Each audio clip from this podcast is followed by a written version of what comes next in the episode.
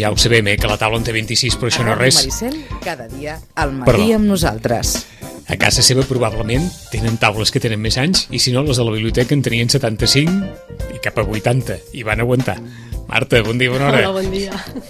Més van aguantar encara, eh? I tant, i aguantaran. I aguantaran. Com està aquest, eh, diguem-ne, com està el procés? El procés de la biblioteca? El procés de la biblioteca, eh, per una banda, aquests mobles que parlàvem, doncs hi ha una, una s'han de restaurar, una part que s'ha de restaurar, i hi ha la persona ja encarregada en fer aquesta feina, i bé, doncs això tirarà endavant.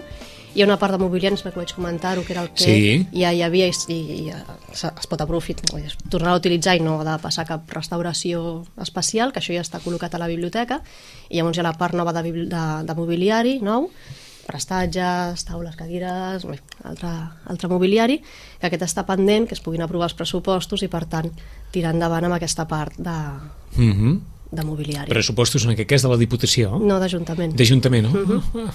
Sí. I un cop aquests pressupostos s'aprovin, i, doncs... això, i això ho voleu per Sant, per Sant Jordi, ho voleu? Uh, Ho voldríem, però ho voldríem. No, evidentment, no, està clar, a eh? veure, està clar que quan es parla de les coses... Queden, queden dos mesos per Sant Jordi. Sí, per tant, bé, doncs està clar que, que les coses noves valen uns diners i que aquests diners s'han de pagar Ahà. i que quan parlem de pagar en temes d'administració doncs les coses segueixen uns processos que no es poden saltar i aquí estem.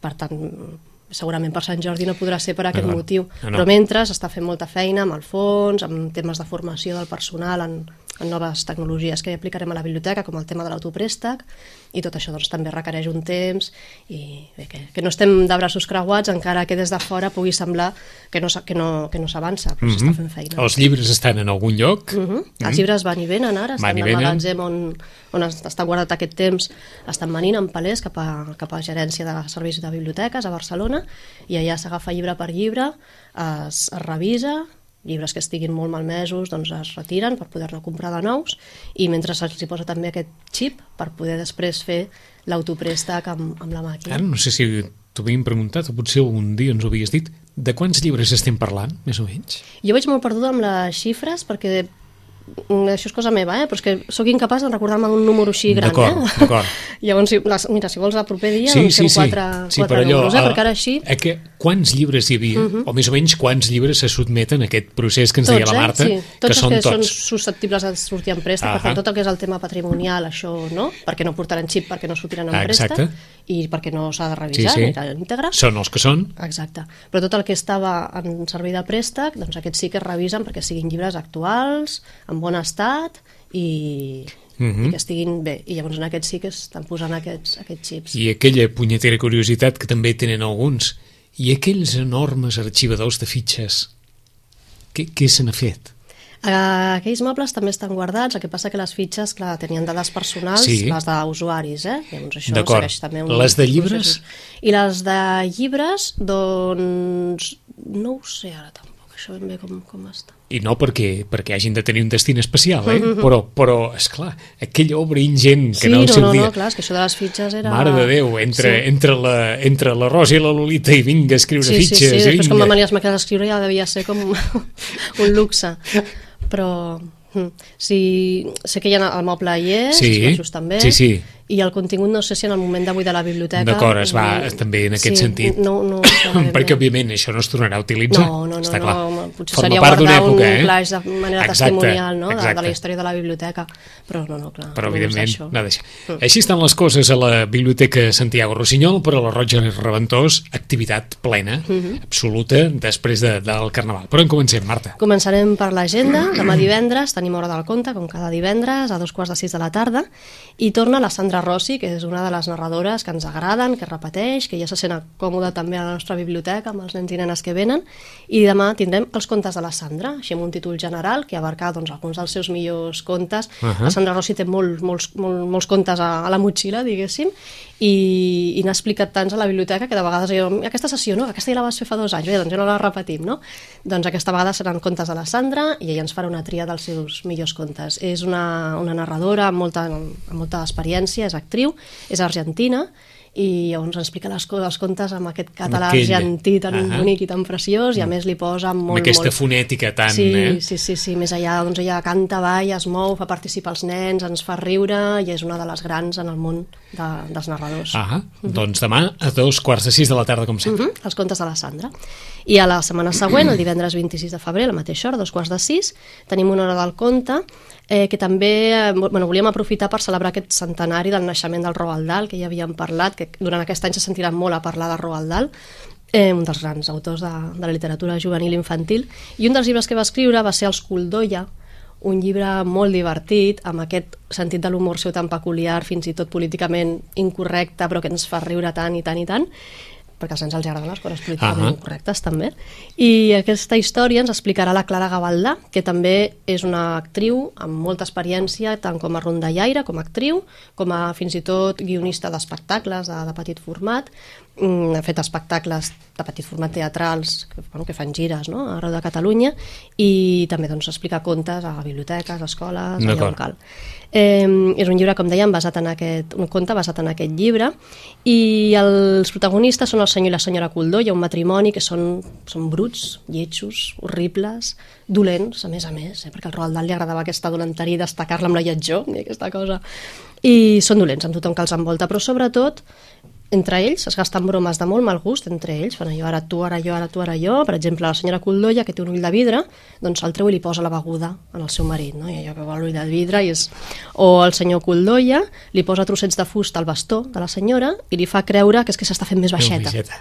Doncs bé, ells es van fent bromes d'aquest tipus i a més a més tenen una gàbia en el seu jardí, unes mones, que es diuen magabum, i les maltracten moltíssim en aquestes mones. I les mones, juntament amb uns ocells, que també les tenen matxacadets, doncs planegen una gran venjança contra aquest matrimoni, contra els Coldoia. Va aquesta història que ens explicarà la Clara Gavaldà per commemorar aquest any 2016, que és l'any Roald Dahl. D'acord? Els, a partir del llibre, eh? Sí. Els Coldolla. Mhm, aquest, exacte. eh, aquest matrimoni, diguem-ne tant a la manera anglesa de descriure-ho, això tan, tan tòpic, tan... Sí. Eh? Doncs Roald Dahl, protagonista també, una vegada més, en aquest any de, del centenari. Exacte. Després volíem parlar també de, que a vegades ja ho anem fent, anem recordant a la biblioteca virtual tots els recursos que podem aprofitar per tenir una biblioteca fora de la biblioteca i per tant des de casa poder utilitzar també molts serveis i molts recursos que ens posa a l'abast la biblioteca virtual i animem a tothom a entrar-hi i a, a mirar-s'ho i a triar el que més els convingui. Un d'aquest- d'aquests recursos són els prestatges virtuals i es tracta de, mm, per temes, els bibliotecaris triem trien els especialistes en aquests temes doncs tota una sèrie d'aplicacions, webs, llibres que després podem trobar a la biblioteca, fan recomanacions sobre diferents temes. Els que estan en funcionament ara són el de novel·la, el de cinema, el de música, el de còmics, l'infantil i des d'ara, des de fa molt poquet, el de turisme. O sigui que qui tingui interès en aquests temes, Exacte. els responsables de les biblioteques d'arreu van Sí. alimentant aquesta, Exacte. aquesta biblioteca virtual. Mhm. I a més a més també ens podem subscriure als butlletins temàtics i rebre cada vegada que s'actualitzen, doncs rebre aquestes actualitzacions per, per correu electrònic. A partir del, de l'espai personal de cadascú, doncs posant l'adreça de correu electrònic, rebem a casa informació sobre aquests temes, sobre tot allò de, de nou i Ahà. tot allò que es mou en aquests, en aquests àmbits. En aquest de turisme, doncs això, trobarem aplicacions, web sobre turisme, eh, les novetats, les noves guies turístiques que arriben a, la, a les biblioteques, doncs tot això per estar ben informats sobre, sobre aquest àmbit. D'acord? Tornem a recordar, com sempre, l'adreça a la qual on es pot dirigir un navegador per anar a parar a aquesta Mhm. biblioteca? Sí, és mm, biblioteca virtual diva.cat. Així tan fàcil, eh? Mhm, exacte. biblioteca eh, virtual.diva.cat. Uh -huh. eh? I a partir I d'aquí aquí doncs, hi ha trobareu, tot un, tot un món. vaja, a passejar-s'hi, Sí. com, diem, com diem sovint, eh? També Més dintre cosa. de la, de la biblioteca sí? virtual, si a dalt hi ha una pestanyeta que diu recomanacions, entrem, hi ha una altra que posa els bibliotecaris recomanen, i aquí dins tenim recomanacions, això, de novel·les, de mm, CDs, de pel·lícules, de diferents matèries, en text, però ara també s'han afegit vídeos recomanacions. Per tant, són bibliotecaris que es graven recomanant una novel·la, un llibre, el Ja que saps sigui. que et tocarà, doncs. De moment no m'ho han dit. No t'ho han dit? Però bé, quan toqui, doncs quan ho farem, toqui es farà. tant, cap problema. Doncs Està molt de moda, ara, això, eh? Sí, perquè són més immediats, Exacte. perquè és molt fàcil de compartir amb les xarxes i que es Aquest facin punt de virals. videoblog, doncs. Exacte, no? perquè pots introduir doncs, imatges sobre el llibre, en fi, doncs clar, et dona molt més joc i per qui s'ho mira, doncs bueno, això, no? És molt més immediat D'acord. que de llegir el text de Ara, la recomanació. ara als bibliotecaris us toca tenir poques prevencions, eh, amb això? Ara als perquè bibliotecaris ens toca fer feines, Feines molt... que, diguem-ne que en principi no estaven allò marcades dins la clàssica figura Exacte. del bibliotecari o la bibliotecària. Doncs sí, eh? estem canviant això, no? el, el xip, la filosofia i, sobretot això, no? una feina de, de, de ser molt prescrip prescriptors de, de literatura, de recomanar, de ser el pont entre el llibre i Exacte. l'usuari, que sempre s'ha fet, però més des de darrere I- del taulell, amb un altre tipus de material, i en canvi ara ens toca... I ara és doncs, evident que les xarxes socials permeten una difusió eh, enorme. Eh? Exacte. Doncs Sí, també sí. hi ha això, recomanacions a través de petits clips de vídeo Sí. per part dels responsables de les diferents biblioteques. I també volia parlar avui dels premis literaris que s'han anat donant, encara que portem poquet d'any, del 2016, però alguns de premis literaris molt destacats doncs ja, ja han estat otorgats. Ahà. I són premis que han, han premiat a diferents autors, dels que potser encara no tenim aquest llibre nou perquè acaba de sortir ara, però sí Però que tenim d'altres i bé, doncs són autors de, de qualitat. Començaríem al gener, va començar l'any amb el Premi Nadal i el Premi Josep Pla. En aquest cas, el Premi Nadal se l'han portar un, un escriptor, el Víctor de l'Àrbol, que mm, ell mm, va ser funcionari de la Generalitat fins l'any 2012, fins fa molt poquet, és, bueno, no, no va acabar els estudis d'Història i va treballar també com a locutor, col·laborador en programes de ràdio. I ara doncs, bé, doncs, eh, està, està tenint molt d'èxit com a escriptor en novel·la negra, Uh -huh. Acaba de sortir publicada ara, ja- ara precisament el Premi Nadal, Exacte. aquesta, aquesta setmana ens deia la, la Rosana Lluc, però ja havia tingut algun... Sí. Bé, Sí, sí, sí. havia començat aquesta trajectòria literària ja, eh? Exacte, el 2011 va publicar La tristesa del samurai, que és una de les novel·les que tenim a la biblioteca, i va ser un èxit molt gran i bueno, ha estat traduïda també a altres idiomes, va tenir nombrosos premis, entre ells el Premi a la millor novel·la negra europea. Ah. Per tant, són premis que ja el van acreditant com un autor important i a tenir en compte. Per tant, qui vulgui fer la prèvia, la biblioteca pot trobar La Exacte. tristeza del samurai. I també un milió de gotes, que bé, ens diuen que una setmana després de sortir a la venda es va esgotar la primera edició. Per tant, qui el llegeix, s'enganxa i, i són novel·les que han tingut molt d'èxit. Ahà. Aquesta última, la que ha guanyat el premi, és La víspera de Casi Todo. D'acord. Premi Nadal. Premi. Josep Pla. El Josep Pla el va guanyar el Lluís Foix, amb Un aquella veterà. part giratòria, un veterà. És la segona part de les seves memòries i aquí ens explica doncs, el seu recorregut pels anys a, a l'avantguàrdia. Va començar com a traductor i va acabar sent director. Mm -hmm. La porta giratòria memòries. del carrer Palai. Mhm, de, exacte. de la seu de l'avantguàrdia al carrer Palai. Eh? I a partir d'aquí, doncs, en fi, la vida d'un periodisme, que tampoc és el periodisme mm, d'ara, entre altres coses, deia Lluís Foix, d'aquell periodisme en què es bevia i es fumava a, la, a les redaccions, eh? Ara, veure, no ho sé, però fumar, per descomptat que fumar ja no es pot no. fumar. Seguim amb el Premi Ramon Llull. Sí, Se l'han portat el Víctor Amela, l'han atorgat el, el Víctor Amela, que és sobretot conegut com a periodista també a l'avantguàrdia, amb la Contra, no? aquesta secció Exacte. al final de- d'entrevistes. I crític televisiu també. Exacte, col·laborador amb... amb, amb una certa polèmica afegida Sí. al premi sobre, sobre si això ha estat una, una novel·la en castellà traduïda al català o sobre què ha estat, però en qualsevol cas aquí li agrada i Víctor Amela uh -huh. ens sembla que, que li pot agradar perfectament aquesta obra, eh? més enllà del premi i de, i de tota aquesta, tot aquest rum-rum que, que envolta el premi. Eh? Exacte, evidentment la tindrem a la biblioteca. De moment tenim Amor contra Roma, que és una altra de les novel·les anteriors que havia escrit, i un llibre que és curiós, que es diu Antologia de cites, Sabiduria humana en 30.000 sentències. Eh? És aquests llibres que és per llegir així a, a trossets i quan busques una frase lapidària... Aquells doncs que els agradin les frases per les xarxes Sí, socials, exacte, torna a repetir el aquí. llibre, que n'hi ha, ha 30.000, eh? Antologia de cites, Sabiduria humana en 30.000 sentències. un Doncs, recull fet per Víctor Amela, també. Eh, si haguéssim de comptar 30.000 dies, segurament, el que en resta de la vida, i encara hi hauria temps per afegir-n'hi unes quantes més. Després hem tingut també fa poquet els Premis Ciutat de Barcelona, que els otorga l'Ajuntament de Barcelona, i premia la creació, la investigació i la producció cultural de qualitat realitzada a Barcelona. Llavors, com que ho tenim aquí al costat i també ens és proper, doncs també volíem destacar. El Premi a Literatura en Llengua Catalana se l'ha emportat la novel·lista Najat El Hajmi, a la biblioteca tenim, n'he portat un, l'últim patriarca, que és una... Que va ser, no, el seu Sí, dia... en el seu dia va ser... un boom molt, total, sí, eh? Sí, sí, és d'aquests que més pel Sant Jordi, dels més venuts... Exacte. Eh? Ella que Doncs- tenia un català perfecte, que explicava una història personal, que Exacte. veritablement va captivar Sí, sí, eh, sí a perquè tothom. era, era la història i era, a més a més, ella també, no? Ella com, a, com a mateix. personatge, també va cridar molt l'atenció Sí, sí. i va connectar molt Exacte. amb el, amb el públic. Eh, el premi l'ha guanyat amb la novel·la La filla estrangera. És una novel·la valenta, com, com també ho és ella, sobre la construcció d'una identitat i una veu complexes i reflecteixen qüestions tant en centrals com, com actuals. Seria aquest l'argument. A la biblioteca tenim aquest, l'últim patriarca, i també La caçadora de cossos. Mhm. que també va ser una novel·la que d'aquestes que dèiem, eh, que, que sempre es venen i, i continuen sortint molt en préstec. Doncs qui vulgui fer una, una prèvia al Premi Ciutat de Barcelona, doncs a la biblioteca la pot fer. Seguiríem amb el Premi de Literatura en Llengua Castellana, en aquest cas se l'han portat Ricardo Piglia, amb Los diarios d'Emilio Renzi. A la biblioteca tenim Blanco Nocturno, aquí el tenim també. És un autor que és, mm, també ha tingut molt, molt bones crítiques i diu que amb aquesta novel·la es confirma com un dels escriptors en llengua castellana doncs, més destacats ara de, del nostre temps, no? més actuals. Després tindríem el Premi en Mitjans de Comunicació, que no és un escriptor en No. si, però és una persona també mediàtica, molt estimada, periodista... Molt, molt llegida, eh? Molt llegida, molt escoltada. perquè diríem que és, un, que és menys a part, ens sembla, del, del, diguem del context general, Carles Capdevila. Carles Capdevila, exacte.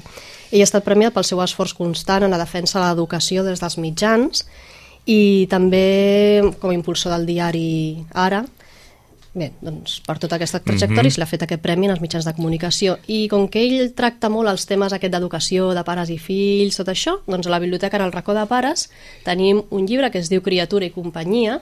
Aquest a més ja havia rebut un premi, el Premi Pere Quart d'humor i sàtira, perquè Carles Capdevila també té això, eh? aquest sentit de l'humor tan propi. Una ironia molt personal, molt, eh? molt, que explica les coses com en sèrio i fa riure, no, no busca fer un humor fàcil, però ho explica d'una manera que ni li surt així, jo crec, eh? si no, no, no podria fer. Doncs aquest llibre, Criatura i companyia, tracta sobre aquest moment en un, un argument històric, diu, eh, històric, perdona, universal, en aquest moment en què ella i ell s'ho pensen, ell i ella ho fan, ell i ella esperen, ell i ella es desesperen, ella té la criatura, ell s'ho mira, i la criatura capgira la vida d'ella i d'ell. Per tant, en aquest moment en Quina què forma més maca Sí, eh, de poder explicar eh, des d'allò, el, el, la idea fins a la concepció i la vida real. Eh? Exacte, tot el que ve després de pares. tenir uns pares. Per tant, és una, un llibre, una novel·la amb la que t'hi trobes totalment identificat, no? amb aquests personatges també, que sí, el, els sogres, els pares, el ginecòleg, el pediatre... Bé, doncs tota aquesta història ho trobem en aquesta novel·la, Criatura i companyia, que és una novel·la de ficció, però que de ficció En té poc, en té eh? poc, eh? Tot passat per aquest prisma de, de Carles Capdevila. I Carles Capdevila, que ha rebut, com, com deia la Marta, el Premi Ciutat de Barcelona, eh, en repiulaven, els mitjans de, de comunicació, comunicació. repiulava fa, fa dies un article sensacional de la vivència personal eh, i de la relació amb el sol, amb, com, tan, tan diguem-ne, Sí, tan, tan simple i tan quotidià, És un veritat, article sí. sensacional de com Sí. ella anava a fer-se la quimioteràpia, Exacte. com es posava allò just en una finestra que, que li donava el sol, com, com rebia el sol amb els braços oberts, com el sol l'anava acompanyant durant tot el dia, com trobava músics de carrer, com en definitiva eh, eh, allò que semblava tan quotidià i tan, i tan poca cosa en el, en el dia a dia, per ell li suposava, vaja, una, una alegria diària inesperada gairebé, eh? un Mhm. sí, article sí. Acabaves de llegir l'article i deies, oi, que, que feliç que sóc, que no? feliç Perquè... que... Només per una... Només per això. Vaja, per allò tan, tan quotidià i, i, el, i al qual no hi donem, no hi donem segurament molta, molta atenció i en la circumstància de Carles Capdevila doncs es posava en evidència totes aquelles petites alegries o felicitats que hi ha a cada cantonada. Per on seguim? Seguim amb aquests Premis de Ciutat de Barcelona, amb el de projecció internacional de la Ciutat de Barcelona, en aquest cas el Paul Preston, que és un, un historiador eh, especialitzat en la Segona República, en la Guerra Civil, en l'exili, en la transició. Doncs bé, ell ha fet una molt bona feina en donar a conèixer tota aquesta etapa, amb la recuperació de la memòria històrica, i a la biblioteca també a la secció de- d'història. Tenim llibres sobre ell per aprofundir més en aquesta època. Ah, I acabem amb el Premi Honor de les Lletres Catalanes, que en aquesta ocasió se l'han portat la Maria Antònia Oliver, és una autora de Manacor, nascuda l'any 1946, des de ben petitona ja li va agradar això d'escriure poemes i llegir molt i escriure altres coses també. Quan va publicar la seva primera novel·la tenia 23 anys, però un autor molt conegut, el Llorenç Villalonga, ja va vaticinar que aquella autora joveníssima arribaria molt lluny. Doncs ha arribat. no, ho va On dir, arribat? no ho va dir un qualsevol. No. De fet, aquesta escriptora, la Maria Antònia Oliver, va ser la creadora de la primera detectiu de les lletres catalanes, una, un personatge que es diu Lònia Guiu i que va ser la protagonista d'una sèrie de novel·les que va començar amb esti- estudi en Lila. Era la protagonista, la Lònia Guiu, i va ser aquesta primera detectiu. Després han arribat molts altres, però la Maria Antònia Oliver va ser la primera en crear una, Una detectiu- una detectiu catalana. Catalana. Sí, sí, sí. Premi d'honor de les lletres catalanes. Uh -huh. I també a la biblioteca podem trobar Mhm. obres d'ella. Acabem amb horaris, acabem recordant Eh? Molt bé, els horaris bé, són els habituals a la Biblioteca Roig i Reventós, de moment, mentre la Santiago Rossinyol no només obri, sinó que prèviament, com que haurem de fer tot el muntatge de la Biblioteca Santiago Rossinyol, abans que obri, la Roig i Reventós tornarà a l'horari habitual. habitual d'abans de, de fa 3 anys, vaja. Perquè, esclar, o esteu en un lloc o esteu en un Ah, altre, Exacte, eh? eh? Per tant, com que encara no hi ha una data concreta, però ni, bé, serà més o menys aviat, doncs ja ho anem dient, que abans d'obrir la Santiago Rossinyol sí que hi haurà una època en què la Roig i Reventós farà una altra vegada horari de matí, tancar, tornar a obrir a la tarda, eh, doncs... però bé, de moment és de 9 del matí fins a dos quarts de 9 del vespre, de dilluns a divendres, i els dissabtes de 10 a dos quarts de dues. Com deia aquell, quan sigui l'hora, hi, Ja ho- ja ho hi, haurà, hi haurà pinyes per anar a la Santiago Rossell. Sí. que és, a I quan mínim- sigui l'hora d'aquest horari reduït també ho direm, Exacte. però de moment ja ho anem avançant. Allò, eh, deixa'm estar al taulell, que vull estar, que, que m'hi vull passejar, eh? Però tot això encara ha d'arribar. De moment ens sembla, a partir del que ens comentava la, la Marta, per Sant Jordi no encara, però molt probablement per estiu hem de suposar sí. que sí, eh? Però de moment hi ha tots uns, tot un termini administratiu que és el que d'alguna manera va en paral·lel a tota aquesta vida dels llibres que, que tornaran ben aviat també a la biblioteca. Marta, gràcies. Gràcies a vosaltres. En 15 dies hi tornem.